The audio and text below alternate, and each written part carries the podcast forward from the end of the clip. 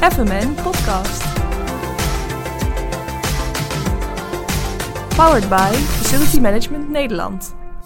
Welkom bij Doe eens Duurzaam, waarin Wim, Yvette en ik jullie meenemen in hoe facility management kan bijdragen aan de Sustainable Development Goals. Vandaag gaan we het hebben over SDG 8, waardig werk en economische groei.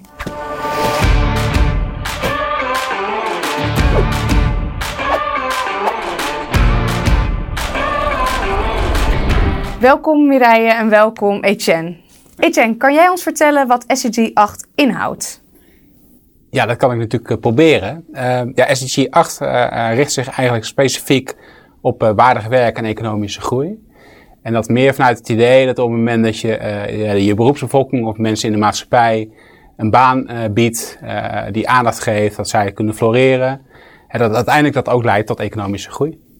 En wat zijn de problemen uh, op dit moment in de samenleving dat we deze SDG in die 17 hebben moeten toevoegen? Nou, ik denk dat we uiteindelijk met z'n allen uh, door het systeem waarin wij met elkaar acteren een, een arbeidsmarkt gecreëerd hebben. Waarin op het moment dat jij niet voldoet aan de norm, hè, dat je al heel snel buiten de boot valt. Dus uiteindelijk moet je denk ik iets zien te creëren waardoor mensen die nu aan de randen van de maatschappij staan, voor wie eigenlijk minder perspectief is, hè, dat je die een kans biedt, zodat zij ook opstaan, mee gaan doen. En uiteindelijk uh, ja, gezamenlijk als maatschappij die meeste waarde er eigenlijk uit weten te halen. Ja, dus weer teruggaan naar een inclusieve samenleving waarin iedereen. Ja, dat is het hoge doel. Hè. Dus, dat, we hebben nog wel een klein beetje werk voor te doen. Ja. Maar uh, ik geloof er heel sterk in dat op het moment dat je dat goed organiseert, dat dat niet alleen voor de mensen die het betreft, hè, maar zeker ook voor de bedrijven, hè, voor ons in facilitaire dienstverlening met name, ja, dat het gewoon enorm veel voordelen ook oplevert. Omdat het gewoon hele gemotiveerde mensen zijn hè, die voor jou en voor mij en voor ons allemaal iets kunnen betekenen. Ja. En wat betekent deze SDG voor jou als persoon? Nou, ja, laat, laat ik vooropstellen dat ik niet uh, ben begonnen met uh, sociaal ondernemen omdat er een SDG uh, was. ik ben ooit eens bij een, bij een, bij een SW-bedrijf naar binnen gelopen. En ik was toen nog, toen was ik nog jong. Hè, en had ik ook nog wat haar op mijn hoofd.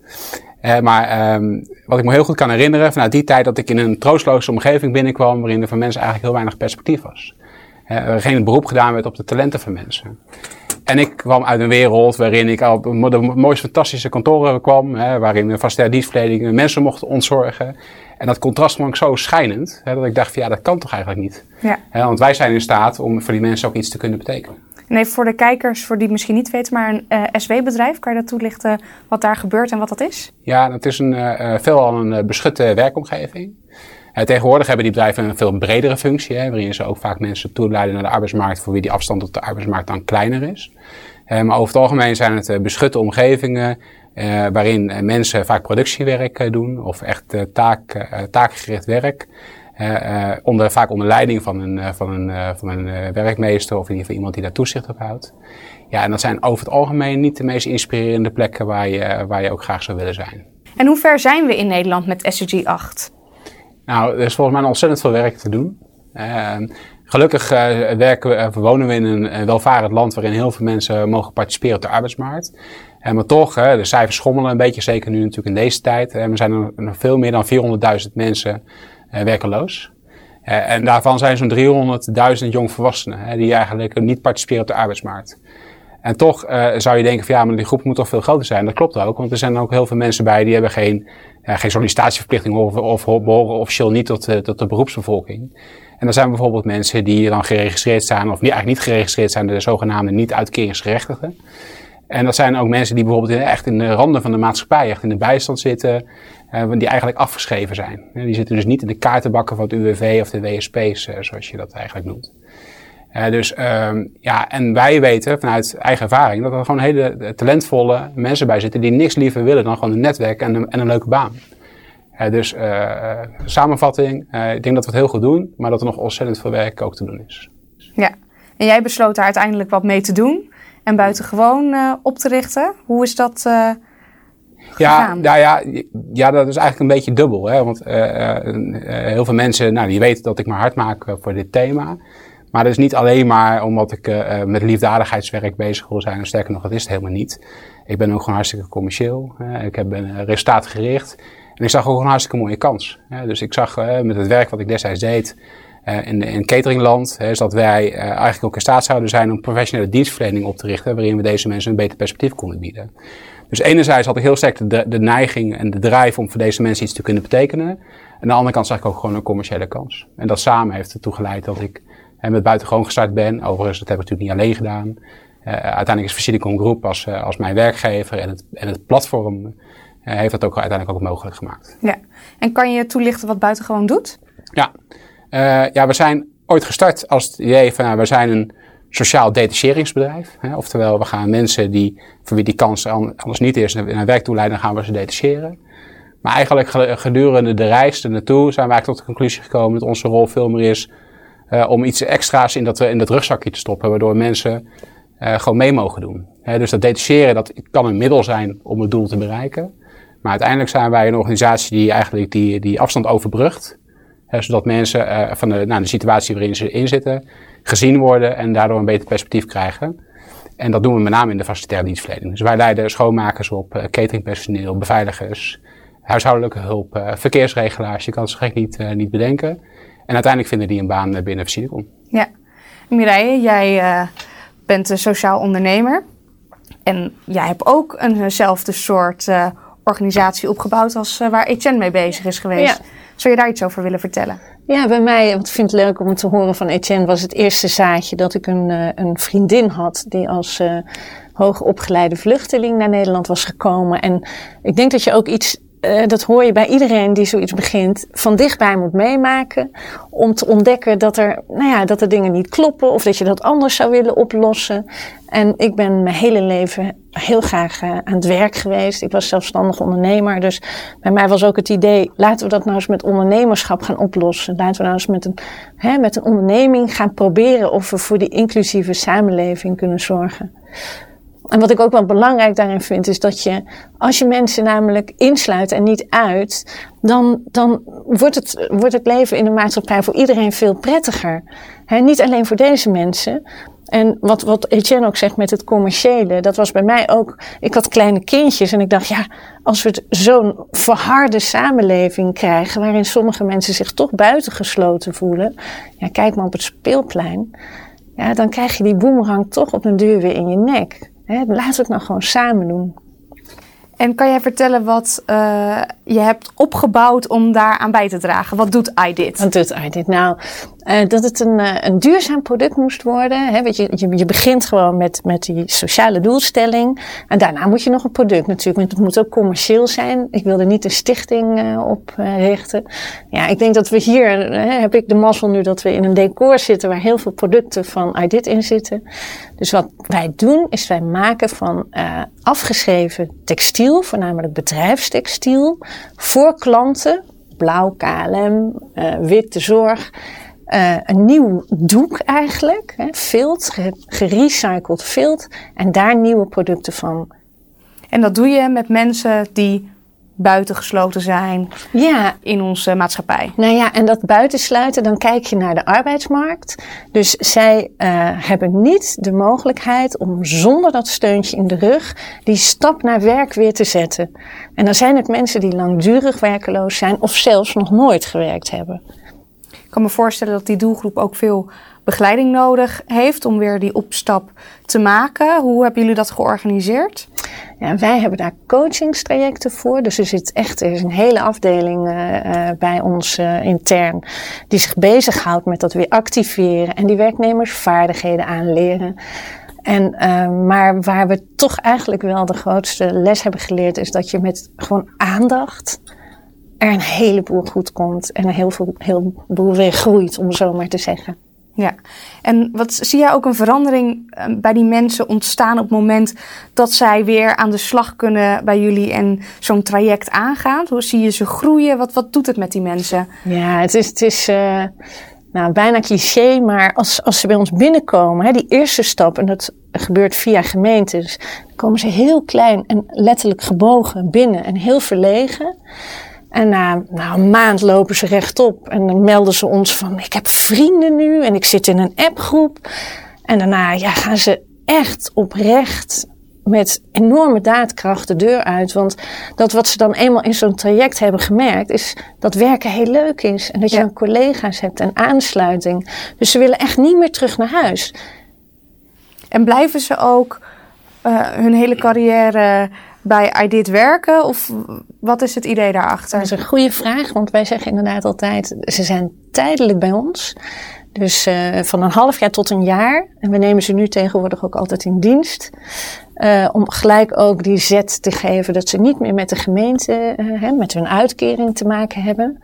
En het idee is daarvan dat als wij nu die mensen aannemen, ja, dan moet je wel heel hard groeien. Wil je je sociale impact vergroten? Dus we zeggen, we zetten dan daarna de volgende stap naar andere bedrijven, naar onder andere facilitair, maar ook naar de HEMA. Naar, nou, het kan van alles zijn. En wat we ook altijd zeggen is dat eigenlijk die tweede stap bijna nog belangrijker is dan die eerste stap. Want heel veel mensen denken, ja, bij dit kan ik het. En dit, daar is iedereen zo lief voor me. Terwijl wij weten dat er in heel de maatschappij fantastische bedrijven zijn. Waar ze ook welkom zijn. En waar ze ook tot, tot bloei komen. Oké. En eh Etienne, wat ik me dan afvraag, en je zei al, jullie hebben het beide gezegd, eh, hè, er moet ook een business case aan de grond zitten. Dus er zit ook iets commercieels achter, je moet ook iets verkopen. Hè, als ik eh, commercieel manager ergens ben en heel financieel gedreven, dan zou ik denken, ja, wat What- zit what's het in voor it for me? nou ja, kijk, voor mij, voor mij persoonlijk is het een stuk voldoening, denk ik. Hè, Mhm. Van betekenis mogen zijn voor anderen. En dat dan wel gewoon in die, in die, in die wereld eh, die ook gewoon resultaatgericht is. En eh, zoals wij die kennen ook eh, binnen onze branches. Als, je, als je het zou vertalen naar wat voor Silicom, hè, want die bieden uiteindelijk ons ook de mogelijkheid om dit te kunnen doen. Is dat het idee is van ja, weet je, buitengewoon een activiteit die we ontplooien. dat is intussen ja, enorm gegroeid. best, we doen ontzettend veel. Eh, maar dan is het idee dat het ergens rendement op moet leveren. Eh, en eh, het rendement dat kan dus op verschillende vlakken liggen. Dat kan enerzijds natuurlijk in de BV en buitengewoon natuurlijk liggen. Doordat wij dingen efficiënt, eh, goed organiseren. Maar veel belangrijker is dat je ook waarde toevoegt aan onze divisies. Dus op het moment dat er aanbestedingen zijn en zij met buitengewoon een mooi, mooi uitgangspunt hebben. eh, of eh, wij nieuwe opdrachten naar ons toe trekken, omdat wij eh, binnen onze groep zoiets als een, eh, als een eigen sociale onderneming hebben. Eh, of eh, mensen die productiever zijn, hè, die eh hebben er natuurlijk voor zorgen dat mensen een bepaald opstapniveau hebben op het ze daadwerkelijk aan de slag gaan. Ja, maar je zou bijvoorbeeld ook kunnen denken aan een recruitmentafdeling, hè, die eh, natuurlijk eh, altijd heel druk is met de juiste mensen zien te vinden. Wij bedienen toch andere netwerken, andere instroomkanalen. Zodat we ook hen helpen om te zorgen dat we de juiste mensen binnenkrijgen en daarmee ook voor een stuk besparing zorgen. Oké. En ehm, nou ja, Facilicom heeft dan buitengewoon die dat dan voor hen regelt. Want jullie doen dat alleen voor de Facilicom deelbedrijven. Een, een conculega kan niet bij jou aankloppen met Etienne. Kan jij ons helpen? Of hoe, hoe nou zit ja, dat? kijk, mijn doel en, en dat van, van ons team hè, is dat uiteindelijk de baan is hetgene wat telt. Hè, en eh, we zijn een, een sociale onderneming, dat is een losse entiteit binnen de groep, die ook echt volledig de handen vrij heeft om die keuzes te maken waar wij in geloven. Eh, natuurlijk moet het de reputatie van Basilicom niet schaden, dat mag duidelijk zijn. Eh, maar eh, die baan die kan wat ons betreft ook elders liggen. Eh, of als wij een, goed, een goede schoonmaker samen met, met GOM, ons schoonmaakbedrijf, opleiden. En die zou daarna zijn droombaan bij een concurrent van GOM kunnen vinden, dan vind ik dat prima. En dat vindt overigens ons bestuur ook prima. Eh, in de praktijk zie je, hè, omdat we natuurlijk gewoon heel veel banen hebben binnen Basilicom, veel vacatures. Ja, dat praktisch iedereen die wij in traject nemen ook in, uitstroomt binnen de divisies van Basilicom zelf. En wat kunnen andere facilitaire organisaties of facility managers eh, doen als ze denken van nou, wat mooi eigenlijk en wat stom dat ik hier niet eerder mee ben gestart. Wat, wat zouden ze dan moeten doen? Hoe, hoe ben jij begonnen om dit op te zetten?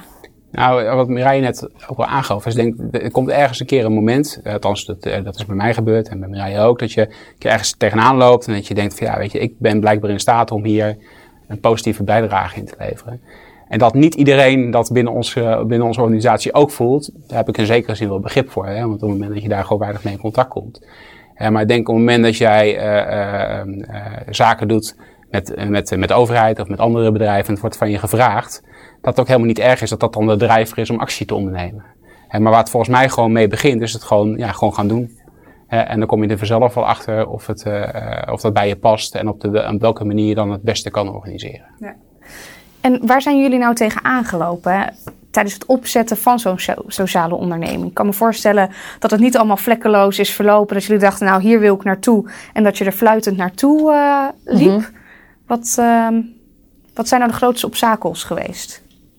Ehm, als ik vooruit dit kijk. Nou ja, er gebeurt natuurlijk. En, en wij zijn al zo lang geleden begonnen. Dus, dus ik, ik kan er bijna niet één noemen. Maar als we het even echt hebben over wat, wat er met de doelgroep gebeurt. Kijk, die, die doelgroep verandert ook telkens. Dus dat is één ding waar je tegenaan loopt. En, en voor ons als sociale onderneming ook de samenwerking met de gemeentes. Want het is misschien belangrijk om te vertellen dat wij via de bijstand hè, van, van de verschillende gemeentes de mensen naar ons toe krijgen.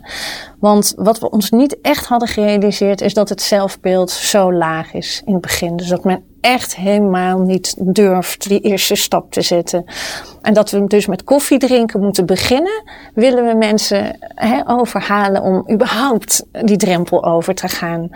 En daar had ik, had ik lichter over gedacht, moet ik eerlijk zeggen. Ja, Ja. daar had ik echt gedacht van nou, dat, dat, dat, als we dat eh, adverteren of wat dan ook, dan eh, stromen ze bij bosjes binnen. Maar dat is ook misschien wel goed om te noemen. Want ik denk dat veel mensen zich vergissen in dat beeld en dan denken dat mensen niet willen. En denken dat mensen er niet open voor staan voor dat werk. Maar daar zit dus heel veel angst. En dat is wel iets wat ik, wat ik heb geleerd Ja, je gedurende hebt de een jaren. andere aanpak nodig qua recruitment dan een reguliere functie. Juist. Ehm, Juist. Het is ook goed om te vertellen dat bijvoorbeeld onze uitstroomcoach, noemen we die, hè, die gaat soms ook mee naar, naar sollicitaties of nou ja, naar zo'n facilitair manager die denkt, nou, ik ga ook het verschil maken. En dan ziet ze haar deelnemer echt compleet dichtklappen. Die zegt helemaal niks meer. Dat is degene die op de werkvloer het hoogste woord heeft, initiatief neemt. En dan ziet ze dus ook zo'n facilitair manager kijken van, ja, ik weet niet wat je met deze mevrouw komt doen. Maar ja, die is absoluut nog niet geschikt. En dat daar doorheen prikken en daar gewoon even geduld hebben. Dat is iets wat, eh, ja, wat ik wel geleerd heb in Ja. ons hele bedrijf. En Etienne, zijn er andere obstakels die jij hebt gezien naast het stukje personeel werven en personeel plaatsen? Dat, dat je ergens doorheen moest prikken bij collega's om het voor elkaar te krijgen, dat je mensen kon plaatsen bijvoorbeeld? Of, Nou ja, ik kan, eh, wij bestaan nu sinds eh, eh, juni 2018. Dat is nog niet zo gek lang. Maar ik kan intussen wel een boek schrijven over alles wat, wat we vast hebben mogen pakken en ervaringen die we tot nu toe hebben gehad. En vooral wat er allemaal niet gelukt is. Eh, als je, eh, je besluit om je hiervoor in te gaan zetten, dan eh, eh, vanuit een, nou ja, natuurlijk een bepaalde mate van idealisme wellicht, maar ook wel gewoon vanuit het ondernemerschap. En je stapt daarin zonder dat je al- alles weet. Eh, Dat hadden wij, we wisten helemaal niet. We, hadden gewoon een plan. En we hadden een belangrijke ambassadeur eh, die ons eh, de kans gaf en we zijn gewoon begonnen. Eh, maar inderdaad, je komt heel veel mensen tegen die op het eerste gezicht denken, nou, het is onvoorstelbaar dat die persoon eh, nog niet aan het werk is. En inderdaad, daar realiseer je dan heel snel een baan voor. En vervolgens blijkt hij een paar maanden later eh, PTSS eh, te hebben. En dan gaat een paar keer finaal uit zijn plaat eh, op, op de werkvloer. Ja, en dat gaat nog eens uitleggen tegen de opdrachtgever. En, en, en tegen onze collega's van onze divisie. Dat ze misschien toch nog eens een keer een kans moeten geven. Dus ja, er zijn ontzettend veel voorbeelden te bedenken over waarom het allemaal niet lukt. Maar wat voor mij boven, wel boven water staat op het moment dat je succesvol bent, en dat zijn we gelukkig ook heel vaak, wat je daarvoor terugkrijgt, dat is echt fantastisch. Hè, eh, eh, eigenlijk breed, hè? dus zowel voor de teams waarvoor we dat doen, als ook voor de mensen zelf. En dat maakt het gewoon dubbel en dwars de moeite waard. en hoe ga je nou om met, ja, als jij fantastische mensen waarvan je denkt, nou die kan ik heel goed daar of daar plaatsen. En je gaat dan met een leidinggevende of hè, degene die dan besluit of dat dan wel of niet gaat gebeuren, in gesprek. En je merkt dat zo iemand zo zegt van, ja maar wat, wat moet ik hiermee? Hoe, ik kan me voorstellen dat dat wel eens gebeurt. Zeker. Ehm, hoe, hoe ga je daarmee om? Nou, ja, ik denk dat je, al, dat je gewoon vooral moet goed, eh, goed moet zien te verplaatsen in aan de, wie er aan de andere kant van de tafel zit. En want op het moment dat jij een operationeel manager bent en je hebt ook allerlei KPI's eh, te behalen. En je hebt een opdrachtgever in je nek hijgen die eh, ook eh, misschien wel allerlei eh, eh, kwalitatieve eisen aan je stelt. Dan kan ik me best voorstellen als wij dan als journalisten komen met een gemotiveerde kandidaat, althans dat zeggen wij dan, dan moet hij dan maar geloven. eh, eh, dat je dan aanva- aanvankelijk wel een beetje terughoudend bent. Dus het begin denk ik een beetje goed verdiepen in waar, eh, bij wie ga je wie voorstellen. Maar uiteindelijk hoop je natuurlijk gewoon het vertrouwen te winnen om ook die, eh, die stap te mogen maken. En dan bijvoorbeeld in onze wereld is dan belangrijk dat je bijvoorbeeld ook een opdrachtgever daarin meeneemt. Ja. want als je uh, onze opdrachtgevers vraagt van ja, bent u maatschappelijk betrokken en heeft u een groot hart voor anderen, gaat niemand tegen jou zeggen dat ze dat niet hebben.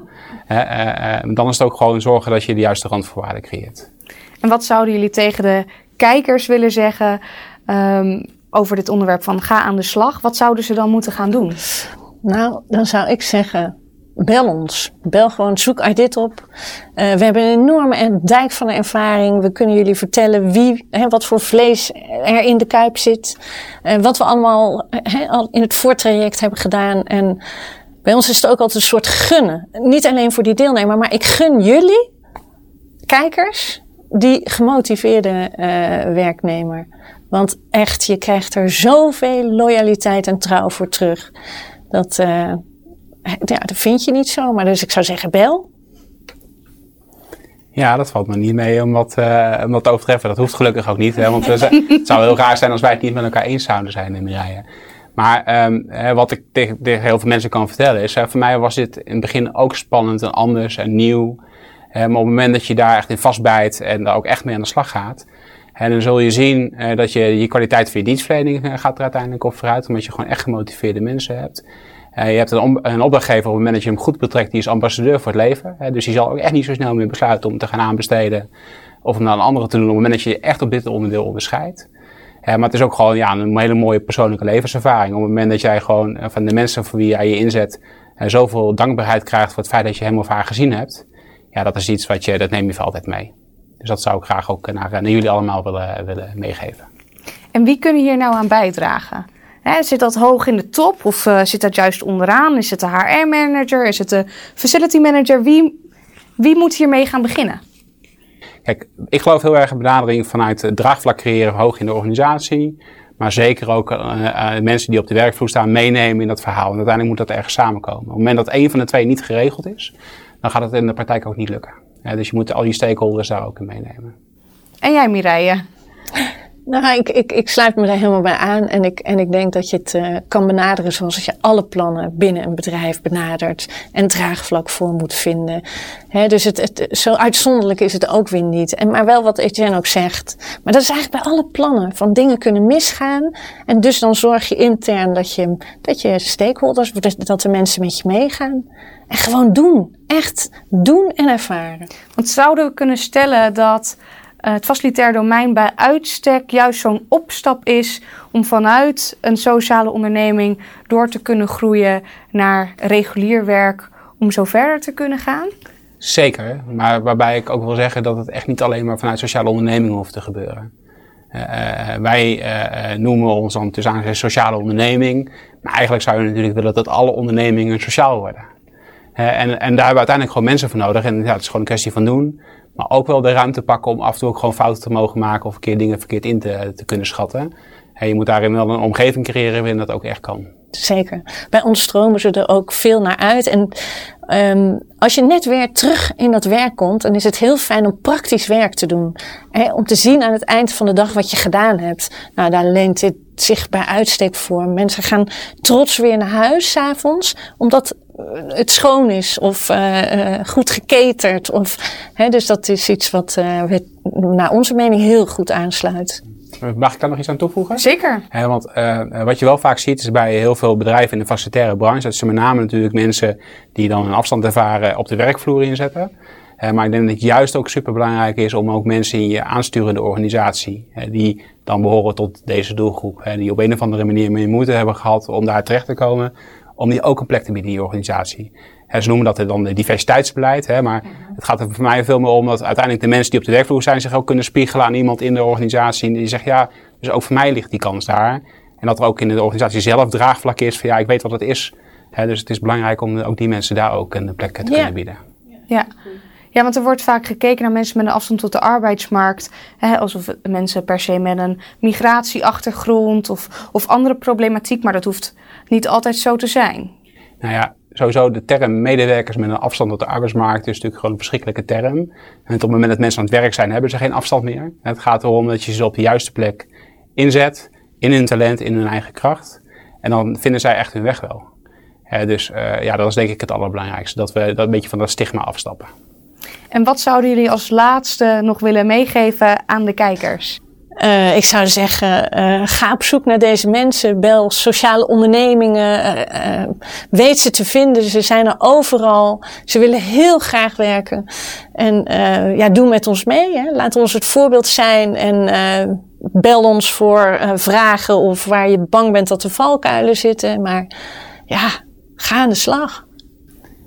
Nou, wat ik vooral tegen iedereen zou willen zeggen is realiseer je dat je uh, jezelf vanuit jouw eigen uh, rol die je hebt, uh, of de baan die, je die je mag inkleden, echt het verschil kunt maken voor mensen in hun eigen leven. Dus het feit dat je mensen weer een, ziet, dat je ze een bestaansrecht geeft. dat ze weer voor, met kerst iets voor hun kinderen kunnen kopen, maar ook zich gewaardeerd voelen en weer netwerk hebben. Ja, dat is gewoon ontzettend belangrijk. En ik denk dat wij bij uitstek in de facilitaire branche die mogelijkheid hebben om dat te doen. En ja, mocht je daar nou vragen over hebben of niet helemaal weten hoe je dat kunt organiseren, en sta ik er altijd voor open als mensen me daarvoor benaderen. Mireille, Etienne, bedankt voor jullie bijdrage. En jullie bedankt voor het kijken. FMN Podcast. Powered by Facility Management Nederland.